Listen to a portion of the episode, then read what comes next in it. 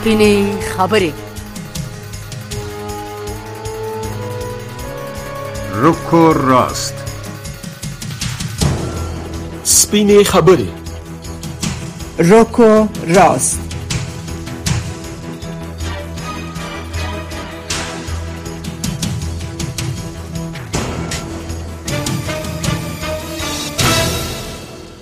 السلام علیکم درنو لیدونکو او اوریدونکو تاسو د امریکا غک آشنا رادیو نظم غک اوري د پاکستان د لړمحاله حکومت صدر اعظم انوار الحق کاکړ په افغانستان کې د وسلوالو مخالفینو په وړاندې د عملیاتو په اړه ویلي دي چې د پاکستان د دفاع لپاره هر اقدام ته چې اړتیا یې تر سره وکړي درنو اوریدونکو د نن بحث اساسي پوښتنه ده چې آیا د افغانستان خوره د پاکستان یا بل هیواد پر ضد کارول کیږي کنه په دې موضوع باندې نن د امریکا غا کاشنا رادیو پام دی سپینی خبرې روکرا خبرونه کې د ملمنو نظرونه اخلو. زه سید سلیمان آشنا او زما همکار احد عزیزاده سید د دې پروګرام قربانی سلام شنونده های عزیز رادیو آشنا و بیننده های عزیز ما در مخواره صدای امریکا.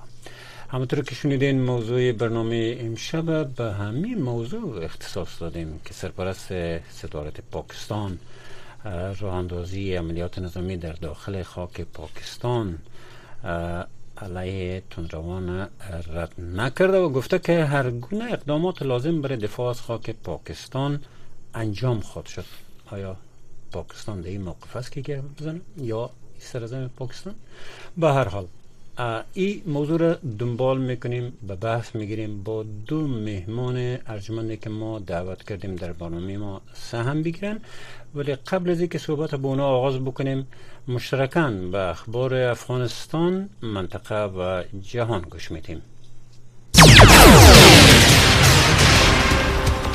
السلام علیکم درنو اوریدونکو ستړي مشي زه زیبا خادم یم د امریکا غږ آشنا رادیو خبرونه ده. د نړۍ د دې ساعت خبرونو ته ستاسو پام را اړوم. د امریکا د بارنیو چارو وزارت ویلي دی چې په افغانستان کې د یو امریکایي وګړي د نیول کېدو خبر ورته رسیدلی دی. د دغه وزارت په پرونی بیانیه کې په دې حق له نور معلومات نشته خو امریکایانو ته خبرداري ورکړ شوې ده چې افغانستان ته د سفر کولو نه ډډه وکړي. د امریکا د بهرنیو چارو د وزارت په وینا په افغانستان کې د امریکایي وګړو د اختطاف او تهدیدولو خطرونه شته دا څرګندونه په داسې حال کې شوې دي چې د IAM د نړیوال مرستندوی ټولنې اتلس کار کوونکي په دې ورستي ورځو کې د غور په ولایت کې نیول شوې دي. په دې کسانو کې یو امریکایي هم دی. په غور کې د طالبانو سیمایي چارواکو ویلي دي چې د کسانو د عیسویت د دین تبلیغ کاوه. د قندهار د پانګې او د سوداګرۍ د خونی چارواکو خبر ورکړی دی چې په تیری یوې میاشت کې د دې ولایت نه پاکستان او هند ته د 14 میلیون ډالرو په ارزښت پروسس شوی انځر صادر شوی دی باختر اژانس د دې ادارې د چارواکو له قوله خبر ورکړی دی چې سکهال د قندهار د انځرو حاصلات یو سلو 50 زره متریک ټنه اټکل شوی او کیفیت هم ښه شوی دی. په داسې حال کې چې په پا پاکستان کې پولیس اوس هم افغان مهاجرین نیسي خود طالبانو د حکومت د مهاجرو د چارو وزارت خبر ورکړی دی چې د یو سل او یو نه زیات افغانان د پاکستان د زندانونو نه خوشی شوی دي دغه وزارت په ایکس شبکې کې خبر ورکړی دی چې د بلوچستان د ایالت مرکز د کوټې د زندان نه یو سل دو اویتنه افغان بنديان خوشی شوی او افغانستان ته ستانه شوی دي. د پاکستان سرپرست صدر اعظم انور الحق کاکړ په دې وروستیو وختونو کې امر کړی و چې غیر قانوني افغان مهاجرین ونیسي د راپورټونو لمخې د دې امر نروسته تر اوسه پورې سلګونه افغانان نیول شوي دي. او په نیول شوو کسانو کې زیات شمیر هغه افغانان هم شامل دي چې په پا پاکستان کې د استوګنی او د سفر قانوني اسناد لري. د پاکستان د سرپرست حکومت صدر اعظم انور الحق کاکړ د خپل هواد د دفاع په حق لویلي دي چې په افغانستان کې د خپل وسلوالو مخالفانو په مقابل کې هر ضروري اقدام تر سره کوي. د خبر تفصیل ته ستاسو پام را اړوم د پاکستان سرپرست صدر اعظم انور الحق کاکړ د امریکا غږله اردو ټلویزیون سره په مرکه کې ویلي دي چې هواد د افغانستان د هر ازګواک په مقابل کې د ځان د دفاع حق لري. کاکړ چې د پاکستان د سیاسي بحران په پا پای کې سرپرست صدر اعظم ټاکل شوی په تیر دوه اونیو کې څو واره خبرداري ورکړی چې هواد به له افغانستان د پاکستانی طالبانو د ګواښونو پر مقابل کې اقدام وکړي کاکړ دا نه دی ویلي چې څه ډول اقدام به وکړي خو ویلي دي چې د اقدام وخت راورسید نو هماغه وخت به پریکړه کولای شي. کاکړ د سپټمبر په دریمه نیټه هم د جیو نیوز ټلویزیون سره په مرکه کې هم ویلي و چې له افغانستان په بیړه د نړیوالو قواو تر وټلو وروسته د امریکا او ناتو پاتې وسلې تروریستي ډلو ته په لاس ورغلي دي او پاکستان ته ستونزې پیدا کړې دي. غورځنګ د امریکا غږ واشنگتن. د سیمې او نړۍ خبرونه د امریکا غږ آشنا رادیو نه اوري د ملګرو ملتونو د اټومي انرژي نړیواله ادارې د سپټمبر په 14مه د ایران هغه اقدام غیر متناسب او بیساره وباله چې دغه ادارې د ډیرو تجربه کارو مفتشانو د فعالیت جوازونه لغوه کړل. د ایران د بارنیو چارو وزارت په جواب کې ویلي دی چې دغه اقدام د امریکا د متحده ایالاتونو، فرانسې، جرمني او برتانیې د سیاسي ناوړه استفادې په جواب کې شوې ده دغه مفتشان د موجوده موافقې لمخې په ایران کې د اټومي فعالیتونو د تصدیق او څار د پاره ګمارل شوی وو. د اوکرين چارواکو ویلي دي چې روسیې نن سهار په اوکرين کې زیاتره د اودیسي د سیمې جنوبي برخو کې د میزایلو او د ډرون الوتکو بریدونه کړي دي. بل پلو راپورټونه وایي چې د اوکرين بي پیلوټ الوتکو په ماسکاو او د روسیې په نورو برخو کې حمله کړې دي اوکرين په دې وروستي ورځو کې پیشغال شوی سیمه کریمیا کې او په تور سمندرګي کې د روسیې د سمندري قوې په پوځي تاسیساتو یو لړ هوایي حمله کړې دي. د ماسکاو خاروال ویلي دي چې د پنځشنبه په ورځ لکتر لګا دوه بي پیلوټه الوتکې د ماسکاو په فضا کې غورځول شوې دي. د ملګرو ملتونو د بشري چارو د همغږي اداره او چاوي د لیبیا په سیلاب ځپلو سیمو کې لا هم د خلکو د ژغورلو هڅې روانې دي او چا وایي چې یوازې د درنا په خار کې د مړو شمیر یو لزر او 300 کسانو ته رسیدلې ده. د دې ادارې په وینا په دغه خار کې لزر او سل کسان لا هم تری تم دي او یو سل او یا کسان نور د لیبیا په نورو برخو کې مړ شوي دي. د اوچا په اټکل خای د مړو شمیر زیات شي ځکه چې د پلټنې او ژغورنې عملیات په پرلپسې ډول ادامه لري اروپאيي کمیسیون د اوکرين د غلې په وارداتو د بندیز د ختمولو د پریکړې دفاع کړې. خو تایید کړې ده چې په دې حق له نور خبرو ته ضرورت شته ده. دا بندیز بلغاری، هنګری، پولند، سلوواکیا او رومانیا ته د اوکرين د غلې صادرات محدودوي او د اعتبار مدعي بیګا د اروپאי کمیسیون د پریکړې وروسته پای ته رسیدلې ده. او د ناروی یو لوړ رتبه پوځي چارواکي ویلي دي چې د ناروی پولو ته نږدې په شمالي قطب کې د ډیره روسي قواو په شمیر کې کمواله راغله ده د ناروی د جګړې له پیلېدو نه مخکې د روسي پوځیانو د شمیر په پرتله اوس د روسي د پوځیانو شمیر شل فیصد کم شوی دی. ناروی په شمالي قطب کې د روسي سره ګډه پوله لري. زیبا خادم امریکا غږ واشنگتن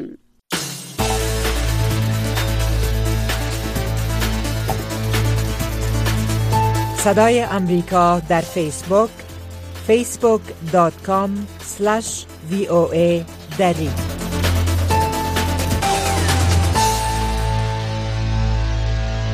شنونده عزیز خوشحال هستیم که شنونده برنامه های ما هستیم در از طریق رادیو آشنا صدای امریکا و همچنان بیننده ما از طریق ماهواره صدای امریکا هستین. رقمی که شما می‌دانید برنامه رادیو آشنا صدای امریکا از طریق ماهواره به خصوص صدای امریکا هم نشر میشه. شما می‌تونید ما رو ببینید. موضوع برنامه امشب ایست که صدر موقت پاکستان چندین بار طال هشدار داده که در صورت تداوم تهدید طالبا طالبای پاکستان البته از خاک افغانستان به اقدامات متوسل میشه. آیا اقدامات چی نوع اقدامات خود بود؟ اقدامات در مقابل طالبا در افغانستان. آیا حکومت پاکستان یا صدر معقد پاکستان که این اظهارات کده در موقف است که این نوع بیانات اظهار بکنه؟ ما برای بحث و تحلیل این موضوع دو مهمان عزیز دعوت کردیم تا در برنامه ما سهم بگیرن و روی از این موضوعات نظراتشون بیان بکنن. البته باید عرض بکنم که نظرات که گفته میشه طرف مهمان ما نظرات اوناست و نه نظرات صدای امریکا. ما از جناب عبدالناصر نورزاد نویسنده تحلیلگر امور بین المللی و سیاسی و همچنان محمد بشار تحلیلگر امور سیاسی دعوت کردیم تا در برنامه سهم بگیرن اول می‌خواستم متقن شم که صدای جناب نوزاد با ما می‌رسه یعنی شما صدای ما را میشنوین بله سلام علیکم. بله صدا شما رو مدار ممنون از حضورتان. جناب بشار بشار شما هم آواز ما را میشنوین آقای بشار شما با ما هستین؟ صدای ما رو میشنوین؟ از صدای امریکا؟ نه فکر کنم که بشار صاحب سلام وصل نه به هر حال صحبت از به اجازه آشنا از جناب نورزای صاحب شروع می‌کنیم. جناب نورزای صاحب شما حتما اظهارات انوار الحق کاکل صدر اعظم موقت پاکستان شنیدین که می‌خواه از اقدامات که به گفته او مخالفین پاکستان از افغانستان انجام میده به هر نوع اقدامات دست بزنه. یعنی در زمان شروع این می‌کنه که چی نوع اقدامات باشه. سوال عمده دی است که آیا یک صدر اعظمی که خودش موقت است در قدم اول و صدر اعظم موقت یک کشوری که در طول تاریخ زیر تاثیر اردو بوده و هر نوع تصمیم از طرف اردو گرفته شده و های بشماری در کشور رخ داده. آیا موقعیت هست که این اظهارات علیه یک کشوری که ولو به رسمیت شناخته نشده ولی حاکم سرزمین افغانستان هستن؟ بکنه. بسم الله الرحمن الرحیم. با تقدیم سلام خدمت شما جناب عزیزاده صاحب و جناب آشنا صاحب و شنونده و بینده های عزیزتان. اظهارات صدر موقت پاکستان آقای کاکر به باور ما در حد یک لفاظی دیپلماتیک باقی میمانه با منظور بهره برداری از فرصت ها جهت مقاصد سیاسی درونی که مصرف داخلی در خود فضای پاکستان داره صدر که موقت است و در نتیجه یک بحران سیاسی بر برگونه یعنی در, در محدودی زمانی مشخص الا روشن شدن سرنوشت سیاسی پاکستان که در حال حاضر داره در با سه بحران عمده سیاسی امنیتی و اقتصادی دست پنجه نرم می‌کنه خودش نشان میده که دستگاه دیپلماسی پاکستان برای فعلا دچار یک سردرگمی و ابهام است. و موضوع بسیار مهمی است که در پاکستان معمولا ملکیان نیستن که تصمیم می‌گیرن یا حکومت به اصطلاح منتخبه که در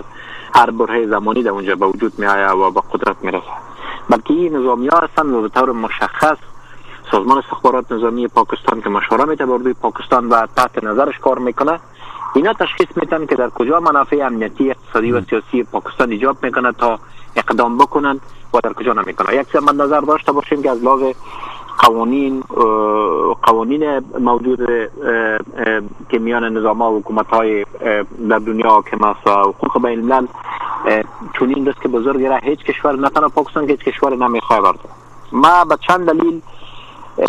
امکان چونین اقدام سخت افزاری و نظامی از طرف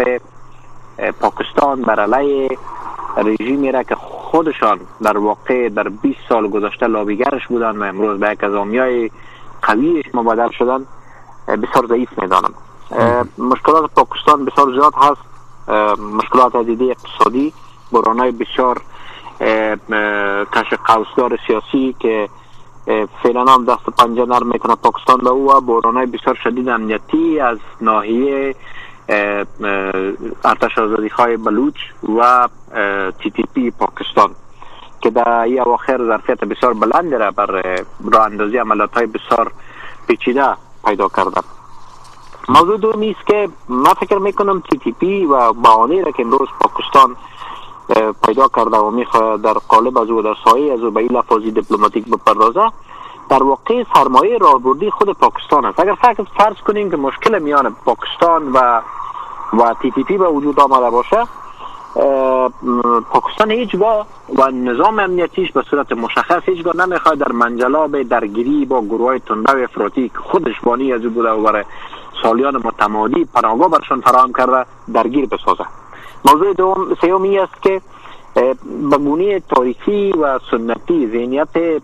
مردم افغانستان در برابر پاکستانی ها به شدت تحریک شده است.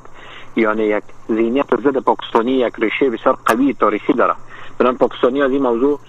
با, با, با دقت و با, با عمق بیشتر مطلع هستند و هیچگاه در یک جنگ برابر در تونین جنگی که خب احتمالا پاکستان از لحاظ توانمندی نظامی قابل مقایسه با افغانستان نیست ولی ذهنیت عام مردم اونها همیشه مطالعه می‌کنن. و موضوع بسیار اساسی و آخر که ما در برنامه قبلی هم به او یک اشارات مختصر داشتیم است که پاکستان در حال حاضر با می لفاظی دیپلماتیک با می موقف گیری های غیر معمول در صدد استفاده از یک بازی است که تازه را انداخته زیر نام اختلاف با تی تی پی. با مد نظر داشت ازی که اوج حملات تی تی پی بر نظامی پاکستانی و در مناطق در پاکستان به شدت قابل مشاهده است ولی هنوز هم بروشنی معلوم نیست که پاکستان از این بازی با تی تی پی چی را می‌خواه به دست بیاره. مننه نورزاد صاحب کور ودان د مشرح معلومات او نظریات شریکول زمونږ سره محمد بشار صاحب هم وسوسل شوی دی او ستړي مشه ورته بشار صاحب زمونږ غږ اوري ان شاء الله استي په پروګرام هو آشنا سم کوم تاسو راغلم کورم ودان ډیره ډیره مننه موږ په پیل کې تاسو معرفي کړلې. پښتنه هم دا و د سلنډه پښتنه کو مقدمه به تاسو اوریدلې چې د پاکستان حکومت یو ځل بیا اندېښنې څرګندې کړې دي او دایم ویلي دي چې کچیرته د افغانستان نه موږ ته کوم امنیتي خطر پیښ شي نو زمونږ پوز به په خپل وخت سره پوزي عملیات په افغانستان کې وکړي او د پاکستان د دفاع لپاره که ضرورت هر څه به وکړي. پښتنه دا چې واقعا د طالبانو په حاکمیت کې د افغانستان نه گاونډي هیوادونو ته امنیتي خطر متوجي دي کنه غواړم اول ستاسو په دې اړه نظر واخلم. بسم الله الرحمن الرحیم. نحمده و نصلی اما بعد جنبی اشنا سمتان تاسو ته تخنیکی همکارانو اوریدونکو ته سلامونه او احترامات وړاندې کوم. زه غواړم دغه د ټي ټي پی قضیه چې په دورستي کې ډیر ترنګلې شوی هم د د دې یو څه وضاحت کوم تاسو نه دوه دقیقې حوصله غواړم که فرصت ولرئ. دغه د دغه د ټي ټي پی قضیه د نن نه د شروع شوی یا د اسلامي امارت حاکمیت وروسته نه پیل شوی بلکې د هند یا د بر صغیر د جغرافیایي ویش نورسته کله چې پاکستان له هند څخه جلا کېده هغه مهال د هند دیوبند اکابر لکه مولانا حسین احمد مدني صاحب رحمت الله علیه نور اکابرونو د پاکستان د تقسیم سره مخالفت درلود. هغه ویل چې دا تقسیم وشي مسلمانان په هند کې پاتې مسلمانان به اقلیت چې دلته به دوی کمزوري پاتې شي. او چونکه دغه تقسیم د پاکستان د مسلمانانو پلان نه دی بلکې د انګريزانو پلان دی نو البته به هم اسلام را نشي کله چې بیا پاکستان ازادي ری پاکستان کا مطلب کیا لا اله الا الله دا شعار راپورته سو او خلکو ته دا احساس ورکړ چې واکه د اسلام په نامه یو اسلامي حکومت پرسته هم جوړیږي. خو کله چې دا حکومت را بیل سو دلته چې کوم مسلمانانو د اسلامي نظام د لپاره هڅه کوله هغه خلک په بیلا بیلو نظری اختلافات باندې په مذهبي ډلو ټپلو ویشل سو ترڅو دوی کمزوري کی او د دوی د اختلافات څخه دوی استفاده وکړي. دوی کمزوري کړل نور احزاب ورته پیاوړي کړل همیشه د پاره لغه وخت تر دا اوسه پورې سیکولر خلک په اقتدار کې پاتې شوی دي مذهبي ډلې ټپلې د تل لپاره کمزوري پاتې شوی دي بیا د دې په خاطر چې مذهبي ډلې ټپلې دوی ته ستونزه جوړ نه کی په لارو کوڅو مسجدونو کې یو پر بل باندې د ستونزې ټاپې ولګېدلې. دوی دغه د حل لپاره متحده مجلس عمل په نامه باندې یو یو یو کمیسون په ډول جوړ کړ د حکومت په کچه چې دغه بل اخره په لوړه کچه په حکومت کې دغه مذهبي اختلافات بیا هم کنټرول کړی شي خو د ټولو مذهبي حرکتونو احزاب په ګډه هڅه وکړه چې پرشتیا هم دلته اسلامي حکومت جوړ کړي. لیکن دوی په رښتینی معنی په اسلامي حکومت جوړولو باندې ونه توانېدل. کله چې بیا وروسته په افغانستان باندې ناتو يرغل کوي او د ناتو ځواکونو ته دوی اډې ورکوي په پاکستان کې دینی علما لکه مولانا محمد یوسف لدانی صاحب مفتی نظام الدین شابزی صاحب شیخ نصیب خان صاحب دغه سي جوړ علما شهیدانېږي لال مسجد او حفصي غوندي مدرسه بمباریږي د پوز لخوانه او هغه مذهبي احزاب چې په سیاسي ډګر کې دیموکراسي په چوکاټ د اسلامي نظام لپاره کار کوي هغه هم شکایتونه ډیری ل خپل استابلیشمنت څخه او شکایت ادا ده چې په اساسي قانون کې چې کوم اسلامي ماده ځای پر ځای شوی هغه ول نه تطبیق کیږي؟ دغه د تطبیق لپاره چې بیا اسلامي نظریاتي کونسل جوړ شو د هغوی وړاندیزونه مقتدر ادارو ته ورکړل تر اوسه پورې پر هغه باندې عمل ولې نه دی شوی؟ نو د دغه ټولو شانو سره کوم مسلمانانو چې په پاکستان کې د خصوصا په قبایلو کې چې د قبایلو خلکو کې د مذهب ریښې ډېری ژورې دي هغه خلک مایوس شول چې نه دیموکراسي کې د نن اسلامي حزب کار ورکړ نه علما بخوندي دي نه د دوی هغه هغه مدرسې خوندي دي نه اسلامي حکومت جوړ کړلای شو او هلته د مولانا بجلیګر صاحب غوندي هغه د عیان چې په خپل ولسو خلکو کې ډیر وسوخ درلود او هغه به دا خبرې کولې چې رښتیا هم د اسلام غوښتل نو په خرګاړي کې مر روان کړي وای اوس به د اسلام را رسیدلی نو دا هغه افکار دي چې دغه افکارو یا د پاکستان د حکومت د اسلامي نظام د راوستلو د تطبیق په برخه کې د دوی نه یا غفلت یا یا یا یا یو پلان یا هر یو څه وي دي دغه دا د فکر ته قوت ورکړ چې بل اخر دوی د سیاسي حرکت پر ځای باندې نظامی یا جګړې خوځښت ولاړ شي. مختصر کده جواب دې مسلمان د افغان سیاسي شنوم کې په حیث باندې د دې مصالح دغه خلاف یم. خو اسباب په افغانستان کې نه دي بلکې اسباب دغه چې ماته استول په پاکستان کې د دغه اسباب په وجه باندې د ځانګړو مخو په وجه دا رامنځته شوی ده او دا حرکت د صوفي محمد څخه نیولې بیا تر بیت الله مسعود عبد الله مسعود او حکیم الله مسعود دغه مشرانو کې تاسو وینا واوري دغه اسباب چې ما تاسو ته په لاندې ولول دي په مختلفو ویناو کې څرګند کړي دي. دا د شنه د چې ګواکې اسلامي امارت راغی دا چې جی پی رامنځته شوی دا او یا نوی مخدي یا یا اسلامي امارت رامنځته کړي بلکې دا د دوی خپل ستونزه ده اسباب هم هلته دي د خلکو مخ هم په پاکستان کې دي او د حل لارې هم له پاکستان سره دی له افغانستان سره نشته. اوس دا د ابزارو په توګه کارول او د دین د یو یو یو یو یو قضیه جوړول جوړه کې افغانستان د سیمې لپاره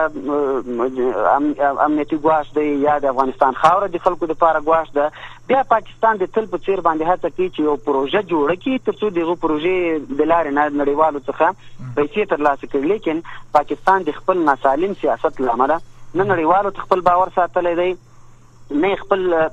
کورنۍ مسله حل کړې ده نه خپل امنیت ساتل دی نه خپل اقتصاد ساتل دی. فکر کوم په دغه قضایاو کې پاکستان باید خپل داخلي عواملو باندې غور فکر وکړي او د دې پر ځای چې خپل ستونزې په خپل حل کړي خپل مسؤلیت ادا کړي پر نور د پلان وراړي. تشکر. تشکر جناب شاه صاحب از توضیحاتتان برمیگردیم به آقای نورزاد شما که یک بررسی بسیار مکمل و یک کتاب بسیار عمیقی را غیر از نوشته و مقالاتتان در مورد مسائل استراتژیک منطقوی هم تهیه کردین. به نظر شما پاکستان در حالتی که هم رقم شما هم دادین و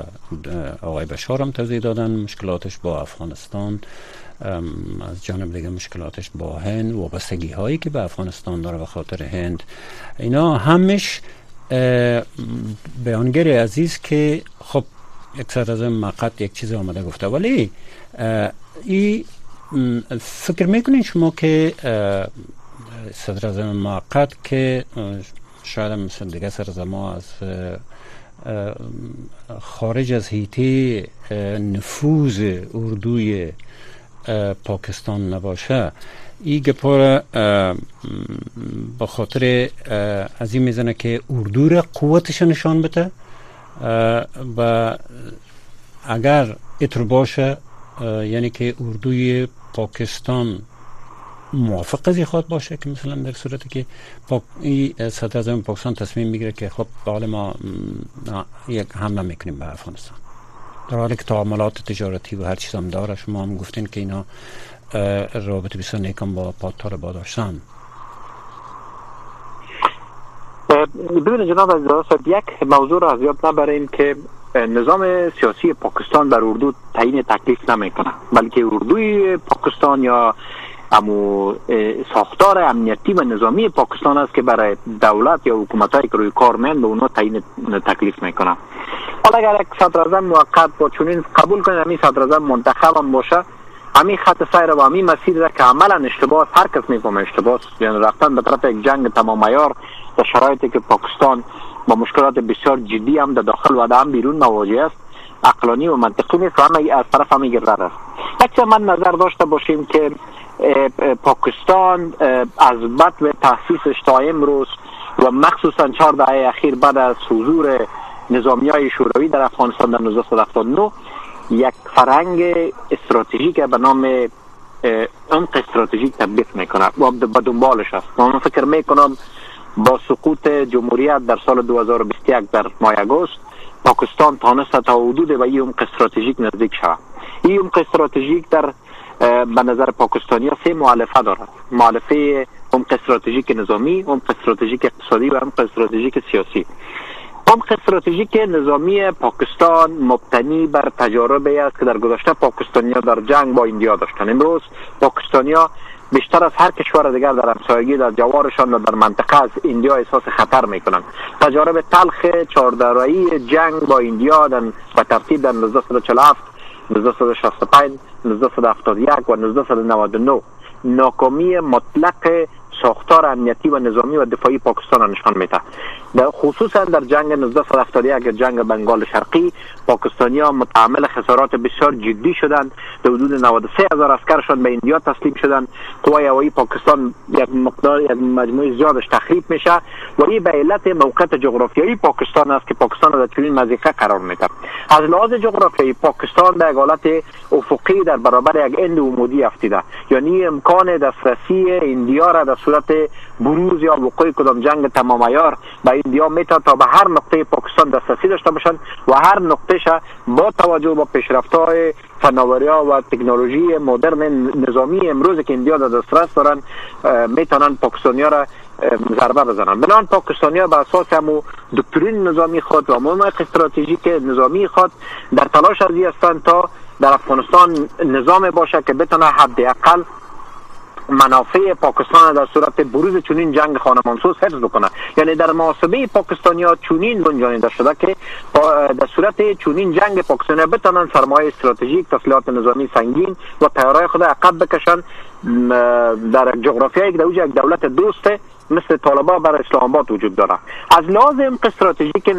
سیاسی پاکستان اماره خود در یک معاصره از طرف دیلی و کابل دیده. به استثنای رژیم یا امارت طالبانی تمام نظام های سیاسی در افغانستان در ضدیت و در, ضدیت با افکار و سیاست های اسلام آباد قرار داشتند و پاکستانی ها از این موضوع به شدت نگران بودند. به این خاطر پاکستانی ها می‌خواهند یک نظام طرفدار اسلام آباد در منطقه داشته در افغانستان داشته باشند که طالبان امروز مبین این حقیقت هستند. از لازم استراتژیک اقتصادی پاکستانی ها به شدت نیازمند بازارهای افغانستان هستند. تا امته پاکستانی در به فروش برسه. از لحاظ چشماندازهای کلان و بزرگتر پاکستانیا محتاج بازاریابی با آسیای مرکزی هستند. و از این طریق محتاج انرژی هستند که آسیای مرکزی به شمول آب می‌تونه به اینا تهیه بکنه برق گاز و مسائل دیگه. بنان پاکستانیا افغانستان یک پل بر رسیدن به معارضه درازشان به خاطر رسیدن به یک سطح تعادل و ثبات اقتصادی ارزیابی می‌کنن. من فکر می‌کنم آنچه که امروز در های دیپلماتیک معمول میان پاکستان و طالب ها جریان داره در واقع سرپوش و لفافه گذارن روی یک سیاست بسیار عمیق امنیتی سیاسی و اقتصادی است که می‌خوان هم خوراک داخلی را با این مساعد بسازن و از طرف دیگه ذهنیت ها را با اون مصروف بسازن. طالبا تی تی پی و تمام جریان های تنده و افراطی که در پاکستان از زمان حضور شوروی در افغانستان لانه داشتن پناهگاه داشتن تربیت شدن تمویل شدن تجهیز شدن تسلیح شدن در خدمت منافع اقتصادی سیاسی و امنیتی پاکستان قرار دارن مننه ګورسات صاحب ستاسو د وینا او د بشار صاحب د وینا چې ګوند پاکستان حکومت مبالغه کوي د افغانستان په اړه او د امنیتي تهدید اصلا د دوی په خپل داخل کې موجود دی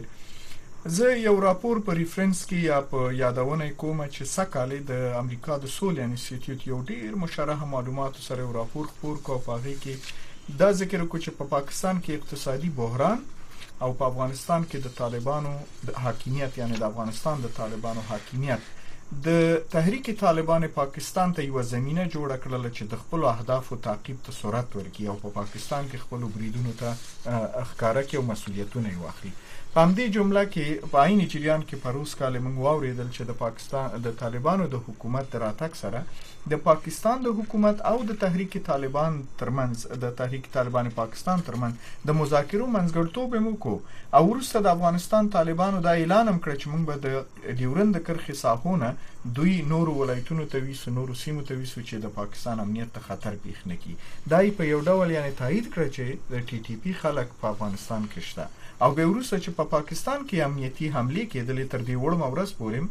اکثر حملو مسولیت بیرته د ټي ټي پی ډلې باخستو نو په یو ډول باندې د پاکستان چارواکي دا موجه دلیل ګڼي چې په افغانستان کې ټي ټي پی ناسته ده او د هرې حمله مسولیت اخلي نو ځکه به اخطار ورکړي بشار سره دا اخطار ډیر په ځای باندې نه لګیږي چې یو ثابت دلیل التشته چې د ټي ټي پی غړي یعنی په افغانستان کې دي ګوري د اسلامي امارت د چارواکو رسمي مسؤلین څخه تر اوسه پورې ما داسې څنګه دا ویل چې دوی کې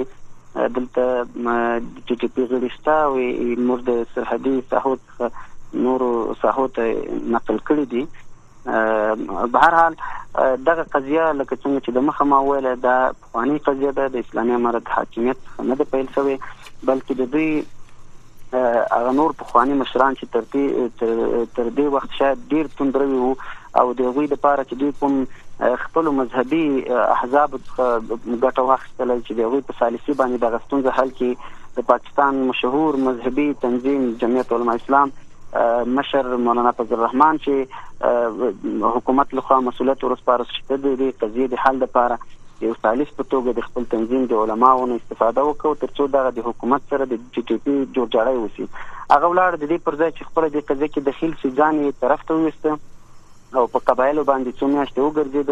البته د قبایلو هغه مخور خلک چې هم په د ټي ټي پی پر خلکو باندې رسوخ درلود هم په سیمه کې پر ځوانانو رسوخ درلود جلګي او د خبرو خلکو. او زموږ تاسو د پښتونو ټول ساحې د جرګي او د مرکو خلک دي. نو هغه یو جرګه رامنځته کړل حکومت ته ویل چې دغه جرګه ده. دا هم د ټي ټي پی پر خلکو تاثیر لري هم پر ځوانانو هم پر مذهبي خلکو هم پر دانورو باندې. اوس تاسو حکومت یو خپل هیئت ورته وټاکي او جوړه سرکشنی ترڅو یو نتیجې ته ورسیږي حکومت یو پلان ورته وټاکي تر وخت پورې خبرې اترې وسوي خو هغه نتیجه ورنکړه او یا حکومت پاتې راغی یا حکومت دغه وړاندیزونه نشو منلای یا غوي پاتې راغل بار چارته هغه په مذاکرات نتیجې ته نه رسیدل بیا دوی د ټي ټي وی پر ضد باندې د ضرب عذاب عملیات وکړل هغه عملیاتو په نتیجه کې د قبایلو څخه دغه خلک نقل شول د وزیرستان څخه د سواد څخه د باجوړ څخه د پاکستان نور نور شهرونو ته ولاړل. د هغوی په انتقال باندې چې هغوی ډیر درد دي او کړي دي یو لور ته د خپل انتقام جذبه په بل تعبیر باندې په یو بل میکانیزم په مخ وړل او هغه خلکو خپل انتقامي جذبه خپل زړونو کې وساتره نن بلاهور نه هم مشکل ورته را پیښیږي د چترال نه ورته را پیښیږي د کراچۍ هم ورته را پورته کیږي د بل ایالت نه هم پورته کیږي. فکر کوم دا ټول د پاکستان د establishment د د پوځي اداراتو ناکام یا ناسالمه پالیسي و چې وی د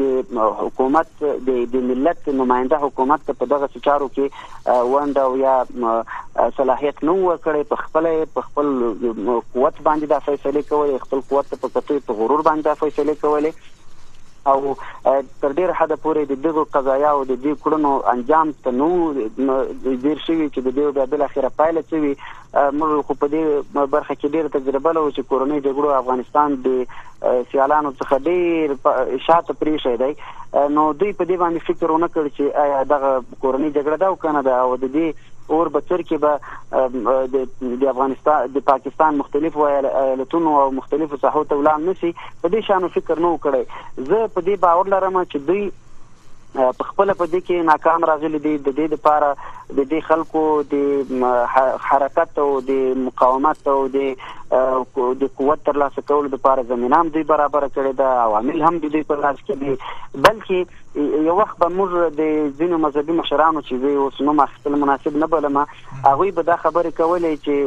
هغه وخت ما اوریدل د اسلامي امارت د حاکمیت نه چلو پنځه کاله د مخه چې هغه بویل صفی محمد او د حرکت په خپل د پاکستان مقتدر ادارو رامنځته کړی دی. ما دا نه منله خو زه یو وخت چې بندي شوم هلته په پاکستان کې بیا کوم زندان کې چې زه ما هلته ما په خپل صوفي محمد لیدل او چې هغه ته خلک راتل په زندان کې به خلکو سره لیدل او مشورې به ورسره کولې. نو زه باوري یم چې په دغه چارو کې د جنو نورو مخو د پاره شاید په خپل هم دوی ته یو څه هوا ورکړي خو کله چې د دوی د مخو یا د جنو منافع سره ټکر شول د له کنټرول ووتل اوس نه یو نړیواله لوی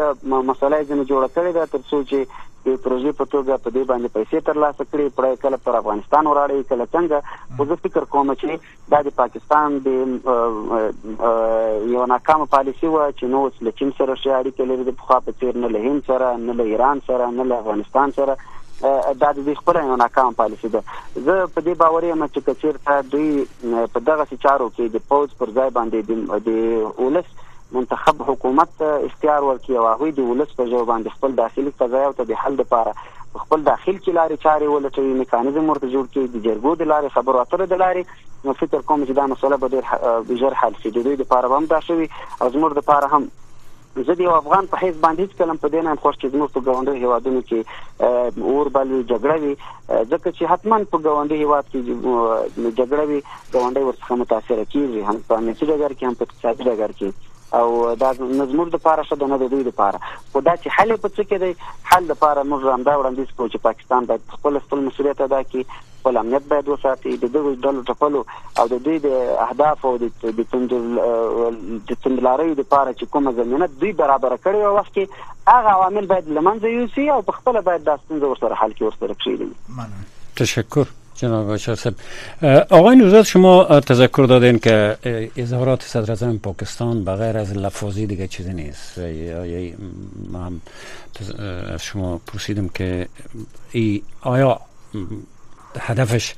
توانایی های اردوست که می‌خواه به این رقم نشان بده. یعنی خب به هر حال از این بگذاریم روش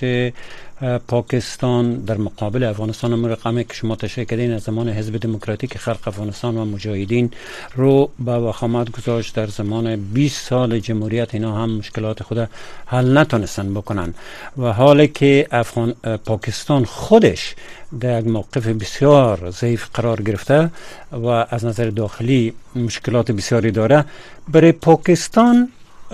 بغیر از این لفظی هاش دیگه چی گزینه های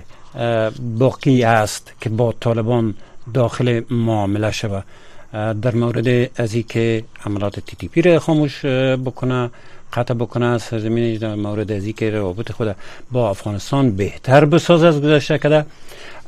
به خاطر از که موقف پاکستان هم با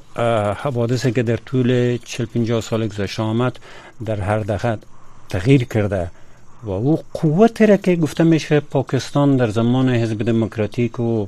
مجاهدین داشت حال نداره دیگه زعمای پیشین دولت جمهوری هم نتونستن این موضوع را حل کنن. ولی طالبا می‌تونن با پاکستان کنار بیاین به اصطلاح با اونا یک حل به یک راه حل مناسبات دوستی برسن که زمینه های مشروعیت و رسمیت طالبا برقرار شد از یک طرف و از طرف دیگه امو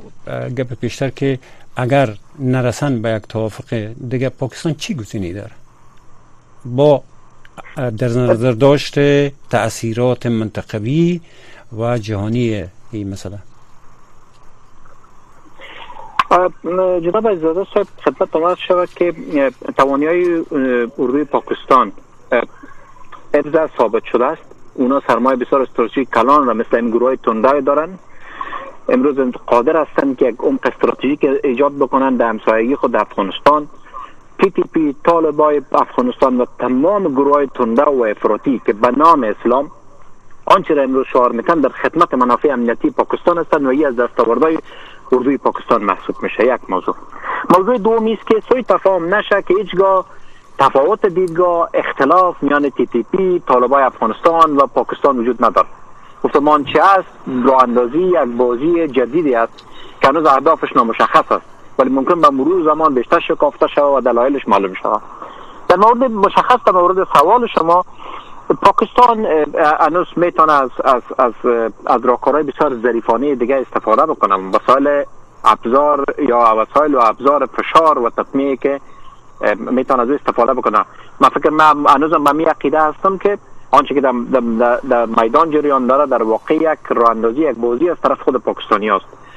طالبای افغانستان و تی تی پی تمامش در خدمت از این هستند مثلا گزینه اول چی است؟ اگر بسیار فشار وارد می و پاکستان واقعا به گونه واقعی ناچار می شود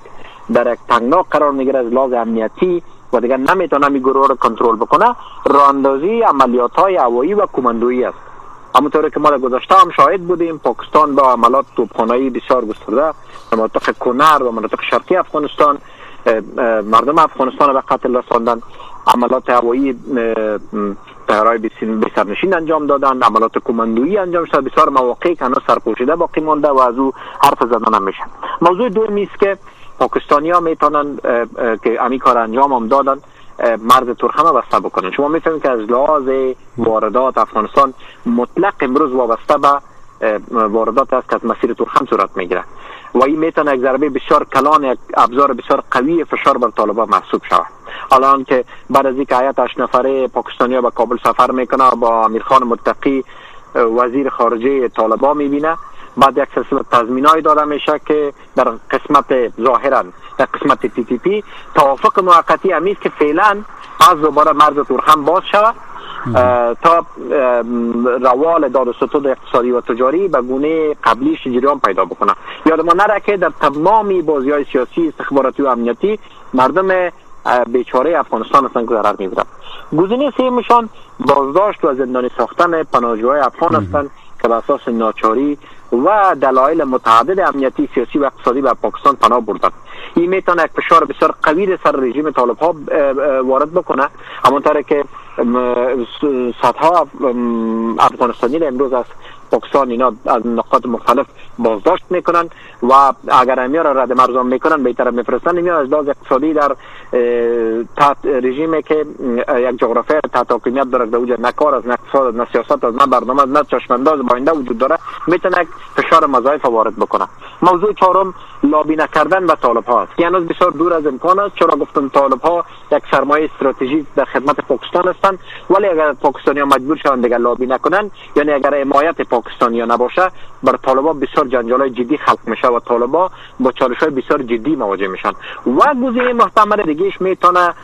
تماس گرفتن با گروه است که امروز به ضد طالبا جنگ می‌کنن آوازهای بسیار جدی وجود داره که پاکستان خواسته یک مجموعه کلان از سیاسیون ناراضی را مقامات فراری جمهوریت و اقتدار دیگر پاکستان گرد بره و روی یک ساختار بدیل طالبان صحبت شوی. در عد افوا و آوازها وجود داره ولی دور از امکان هم نیست. چرا؟ تجارب تلخ چل سال گذشته به ما نشان میده که هر چیز امکان داره هیچ چیز ناممکن نیست. بنابراین من فکر می‌کنم مجموعه عوامل می‌تونه طالبان را در صورت نیاز و در صورت یک حالت فرضی که بسیار دور از واقعیت است با نظر داشته قرائن و شواهد موجود امروز. بتونه تحت فشار قرار بده پاکستان در جهت رسیدن به منافع اقتصادی سیاسی و امنیتیش کمک می‌کنه مننه نورزار صاحب معلوماتونه بشار صاحب یو بل موضوع چې د پاکستان او د طالبانو د اړیکو په مورد کې ده اوس د سیخکاری چې د پاکستان انتقادونه ډیر شدید دي او د غزو ټکی چې ما غوښتل چې تکرار نه کما نورزاد صاحب خپل خبرو کې یاد کړل چې هغه د فشار عناصرو چې یو پکې دی ورستیو کې د تورخم د دروازې په داسې وخت کې بندولو چې د افغان سوداګرو ټول مالونه رسیدلی وو چې باید هغه بازارونو ته رسیدلی مګر هملته د منځ لاړل خراب شو په میلیونونو ډالر زیان ولیدو. دا یو دلیل دویم دا چې په نړیوال stage کې د طالبانو حاکمیت یا ډلې مجموع کې د پاکستان د مدارسو زده کوونکي او طالبان ګڼل کیږي چې ان استادان الته دي. کولای شي چې د دسې لحاظ نه د فشار لاندې وساتي چې په خپل خوخي اقدامات ورسره وکړي او په درې مړخ کې امنیتی مسایل دي چې تاسو په وګړي چې تهدید کوي چې کېدل شي د دوی په حاکمیت کې د افغانستان ارزې چې وغوړي بمباردو کې خپل دشمن د منځوي سي په داسې وخت کې د طالبانو حکومت باید څنګه دا ثابت کړي چې دوی د پاکستان د چا د اثر رسوخ لاندې نه دي او د افغانستان ملي منافع ته کار کوي او هر څوک چې اختار ورته ورکوي کولای شي چې د یو قانوني چوکاټ د اصول په چوکاټ کې د یو مستقل هیواد د حاکمیت چار څنګه د کمنل شوی کنه د دفاع ته ودرېږي یا جواب ورته ورکړي چې هغه دا د خبرو د لارې د مسایل مطرح کړي نه دا چې په بینالمللي سطح باندې انتقاد وکړي یا د خطر مطرح کړي دا څنګه کولای شي؟ جناب اشناس محترم اسلامي امارت تر اوسه پورې په دې باندې ځانېدل دي چې خپل خپلواکي وساتي د خپل ملي منافعو لپاره خپلواک توګه داخل د افغانستان کې په دینی او ملي اساساتو باندې پریکړه وکړي په دې کې نه د چا د فشار ته ګوري سره لري چې تاسو ته معلومه ده ټول نړۍ ورسره تر اوسه پورې په تقابل کې د خودي د خپل ارزښتونو څخه د هیڅ فشار په نتیجه کې خپل ارزښتونو څخه نه تیریږي. دا نړۍ ته واجهه شوې ده. دلته د پاکستان سره موږ یو یو روزدا پوله لرو یو بل سره منافع شریک دي یو د بل سره د فشار لاري هم لرو یو د بل سره د تعامل لاري هم لرو مشترکات مو هم شته. نو دوی د تورخم خبره وکړه موږ به هڅه کوو چې د دې لپاره بدیل پیدا کوو په انده کې لکه څنګه چې تاسو اسلامي بیان خبر اوریدل چې د چابهار په پراختیا باندې به کار کیږي او د جدي کار کیږي. په عین حال کې تورخم یوازې د افغانستان د لپاره تاوان نه پیښوي بلکې تورخم دروازه بنديږي شاید تر موږ ډیر تاوان پاکستان ته هم ورسیږي ځکه دا یو ګډه لار ده بلکې کچې ته د تاپی او د نورو پروژې په کار اچول کیږي په هغه کې به ډېری ګټې د پاکستان او هغه مشترک په دې شریک دی نو دا یو یو اپشن نه دی چې د دې توان به یوازې موږ ته ورسیږي او پاکستان ته به توان نه رسیږي او دوی به د تل لپاره دین استفاده کوي بل دا چې د پاکستان او د افغانستان ترمنځ د لکه څنګه چې د اسلامي امارت پالیسی ده جګړه د هیڅ لپاره نه هدف دی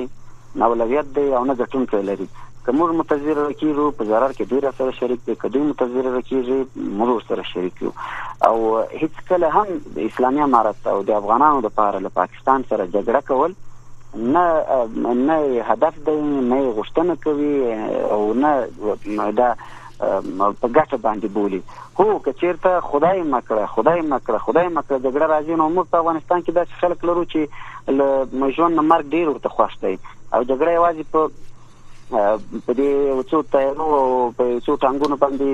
او په څو ټکنالوژي باندې نه کېږي. موږ د ناتو د لوی ټکنالوژي ولیدل چې دلته په افغانستان کې تر څلور زیات هیوادونو او په خپل ټول کشپش باندې راغلي او بل اخر د دغه خړو پړو د موټر سایکل سپرو مجاهدینو په مقابل کې شکست خوړی جګړه په انګیزه او فکر باندې کیږي او خدای دې د حالت نه راولي چې موږ د خپل ګاونډي سره جګړې ته مجبور اوسو څوک چې دا خبرې کوي هغه د افغانستان د پاکستان په هغه تاریخي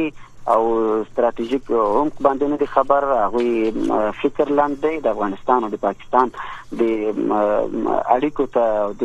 ګاونډیتوب یو سطحي فکر کوي موږ ګاونډي هیوادونه یو موږ د بل سره منافع او مشترکات لرو. او د دې مشترک ګټو د خوندې کول لپاره په ګډه باندې کار کوو. خو دغه یو ستونزه راغله د پاکستان باید د خپل ستونزه خپل باندې حل کړي. تر کومه حد پورې چې موږ د په حل کې موثر تمامېدل شو نو تر ثالثي منلو پورې اسلامي امارت وړاندې شوی دی. خدا چې دوی خپل کثرت تر نتیجې ته نه رسیدل دا د خپل ستونزه ده. پات شو دا چې د افغانستان هغه تللی خلک د جمهوریت خلک هغه به پاکستان را منسجم کړي د افغانستان اسلامي امارت پر ضد وکاري. هغه د خلک نه چې بیا به د جګړې د ګر تراسي هغه په تیارو چوکوي باندې سپارو او دلته ناستو دلته پوز درلود دلته امکانات درلود. تر څنګه ولاړ هغه وتښتیدل جګړه یو وړ پیل د جنگ د ګر نه یو ورته ستدل سره بیا هغه د ګر ته نشي راتللی. او پاکستان هم پر دې باندې پوریږي چې هغه د یو اپشن نه دی چې اسلامي امارت پر ضد خدای مکه یا تر استفاده وسی یا به نتیجه تور باندې ورسیږي. او هیڅ کله هم اسلامي امارت نه غواړي چې په خپل هیواد کې د افغانانو سره په جګړه کې پاتې شي بلکې واحد قوي مرکزی حکومت جوړ کړی دی د قدرت جزیرې لمنځه وړي دی او افغانستان په حقيقي معنی باندې ټول افغانانو ګډ کور جوړ کړی دی. هر څوک د نظام سره ولو که مخالف وي د عزت د ژوند په خپل هیواد کې کولای شي په خپل کور کې ځمکه مال ځان عزت ابرو هر څه به خوندي وي سر به خوندي وي او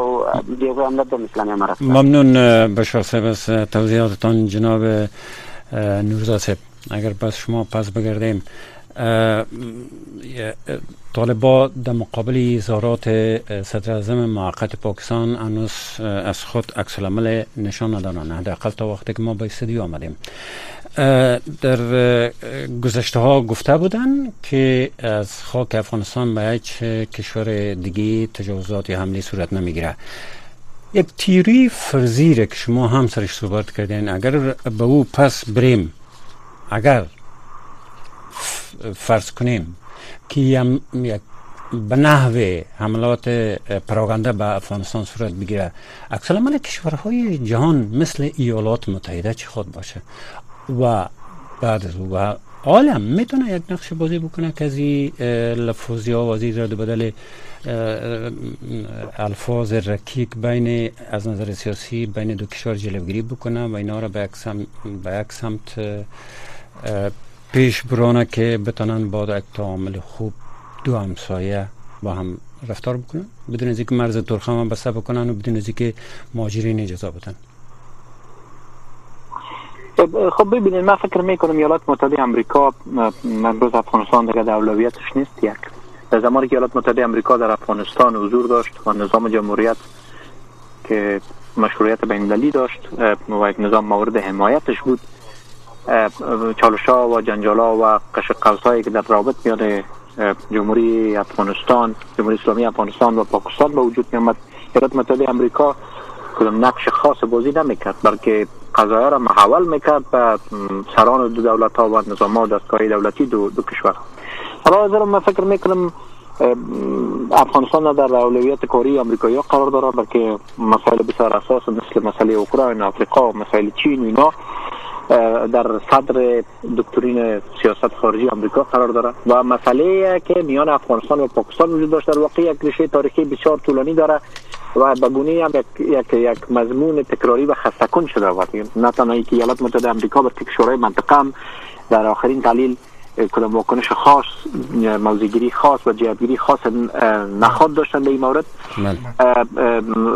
چرا که خب مسئله افغانستان قضیه ختم شده به نفع منافع پاکستان تلقی می‌کنن و خب از که در پاکستان یک نظام وجود داره ولی در افغانستان ما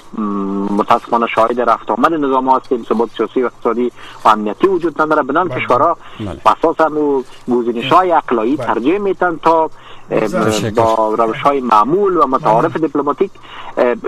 رضایت خاطر پاکستانی را فراهم بکنن و نه طالب ها در او حد سطح نیست که بتونن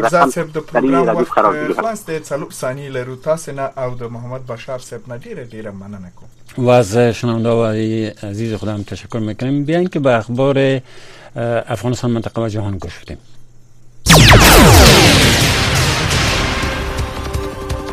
شنوندگان عزیز سلام. شب همه شما بخیر حفیظ آصفی هستم. توجه کنین به خبرهای این ساعت. برنامه جهانی غذا گفته است که دهه ها جنگ شرایط بد اقتصادی و تغییرات اقلیمی تاثیر ناگوار بر زندگی افغان ها داشته و 15 میلیون افغان را مجبور کرده است که هر شب گرسنه بخوابند. برنامه جهانی غذا روز یک شنبه 17 ماه سپتامبر در شبکه اجتماعی ایکس نوشت که به دلیل بحران کمبود شدید بودجه این اداره مجبور شده است که کمک های خود را به میلیون ها افغان نیازمند متوقف سازد این اداره ملل متحد گفته است برنامه جهانی غذا پیش از پایان فصل زمستان به یک میلیارد دلار نیاز دارد تا میلیون ها خانواده را از زمستان سخت افغانستان نجات دهد. برنامه جهانی غذایی سازمان ملل متحد در آغاز ماه جاری گفته بود که به دلیل کمبود کمک های جامعه جهانی کمک ها به افغانهای نیازمند را کاهش داده و در حال حاضر این اداره تنها به سه میلیون نیازمند در ماه کمک فراهم می تواند. سرپرست صدارت پاکستان می‌گوید اگرچه به رسمیت شناختن حکومت طالبان روی میز نیست اما به دلیل حاکمیت آن گروه بر افغانستان در سطح دولت با آنان مذاکره صورت می‌گیرد. انوار الحق کاکر سرپرست صدارت پاکستان ناوقت شنبه 16 ماه سپتامبر در یک مصاحبه ویژه تلویزیونی با بخش اردوی صدای امریکا در کنار سایر موضوعات در مورد برسمیت شناختن حکومت طالبان نیز صحبت کرد و گفت ما روی موضوع برسمیت شناختن حکومت طالبان در افغانستان غور نمی کنیم اما حاکمیت در کابل به دست طالبان است و مذاکرات در سطح دولت نیز با طالبان انجام خواهد شد. این در حال است که پیش از این صدر حکومت موقت پاکستان حکومت طالبان را سرپرست خوانده و گفته بود که حکومت این گروه مشروع نمی باشد. جمعیت هلال احمر افغانی از ثبت بیش از دوازده هزار کودک مبتلا به بیماری قلبی خبر می دهد که منتظر جراحی و درمان هستند. این نهاد ناوقت روز گذشته با نشر اعلامیه گفته است که در جریان 14 ماه گذشته بیش از 1770 کودک مبتلا به نارسایی قلبی را برای جراحی و درمان و شفاخانه های مختلف در افغانستان معرفی کرده است. در اعلامیه آمده است. از این تعداد نزدیک به 1500 کودک بهبود یافته و به خانه های خود بازگشتند بقیه در شفاخانه ها تحت درمان قرار دارند. از سوی دیگر جمعیت هلال احمر افغانی با تازگی 48 کودک را که از نارسایی قلبی اطفال رنج می بردند برای تداوی و جراحی به دو شفاخانه محلی معرفی کرده است. خبرهای منطقه و جهان را از رادیو آشنا صدای امریکا می شنوید. 16 ماه سپتامبر برابر بود با اولین سال روز مرگ محسا امینی در توقیف پلیس گشت ارشاد تهران. محسا جینا امینی در سال گذشته به اتهام بدهجابی در ایستگاه متروی شهید حقانی در تهران توسط پلیس گشت ارشاد دستگیر شد و در 16 ماه سپتامبر سال 2022 مرگ این دختر جوان 22 ساله کرتبار اعلام شد. اعتراضات در ایران از مراسم خاکسپاری محسا امینی در شهر سقز آغاز شد و به سایر مناطق آن کشور گسترش یافت. تا کنون تظاهرات سراسری ضد رژیم ایران و کشته شدن بیش از 500 معترض منجر شده است.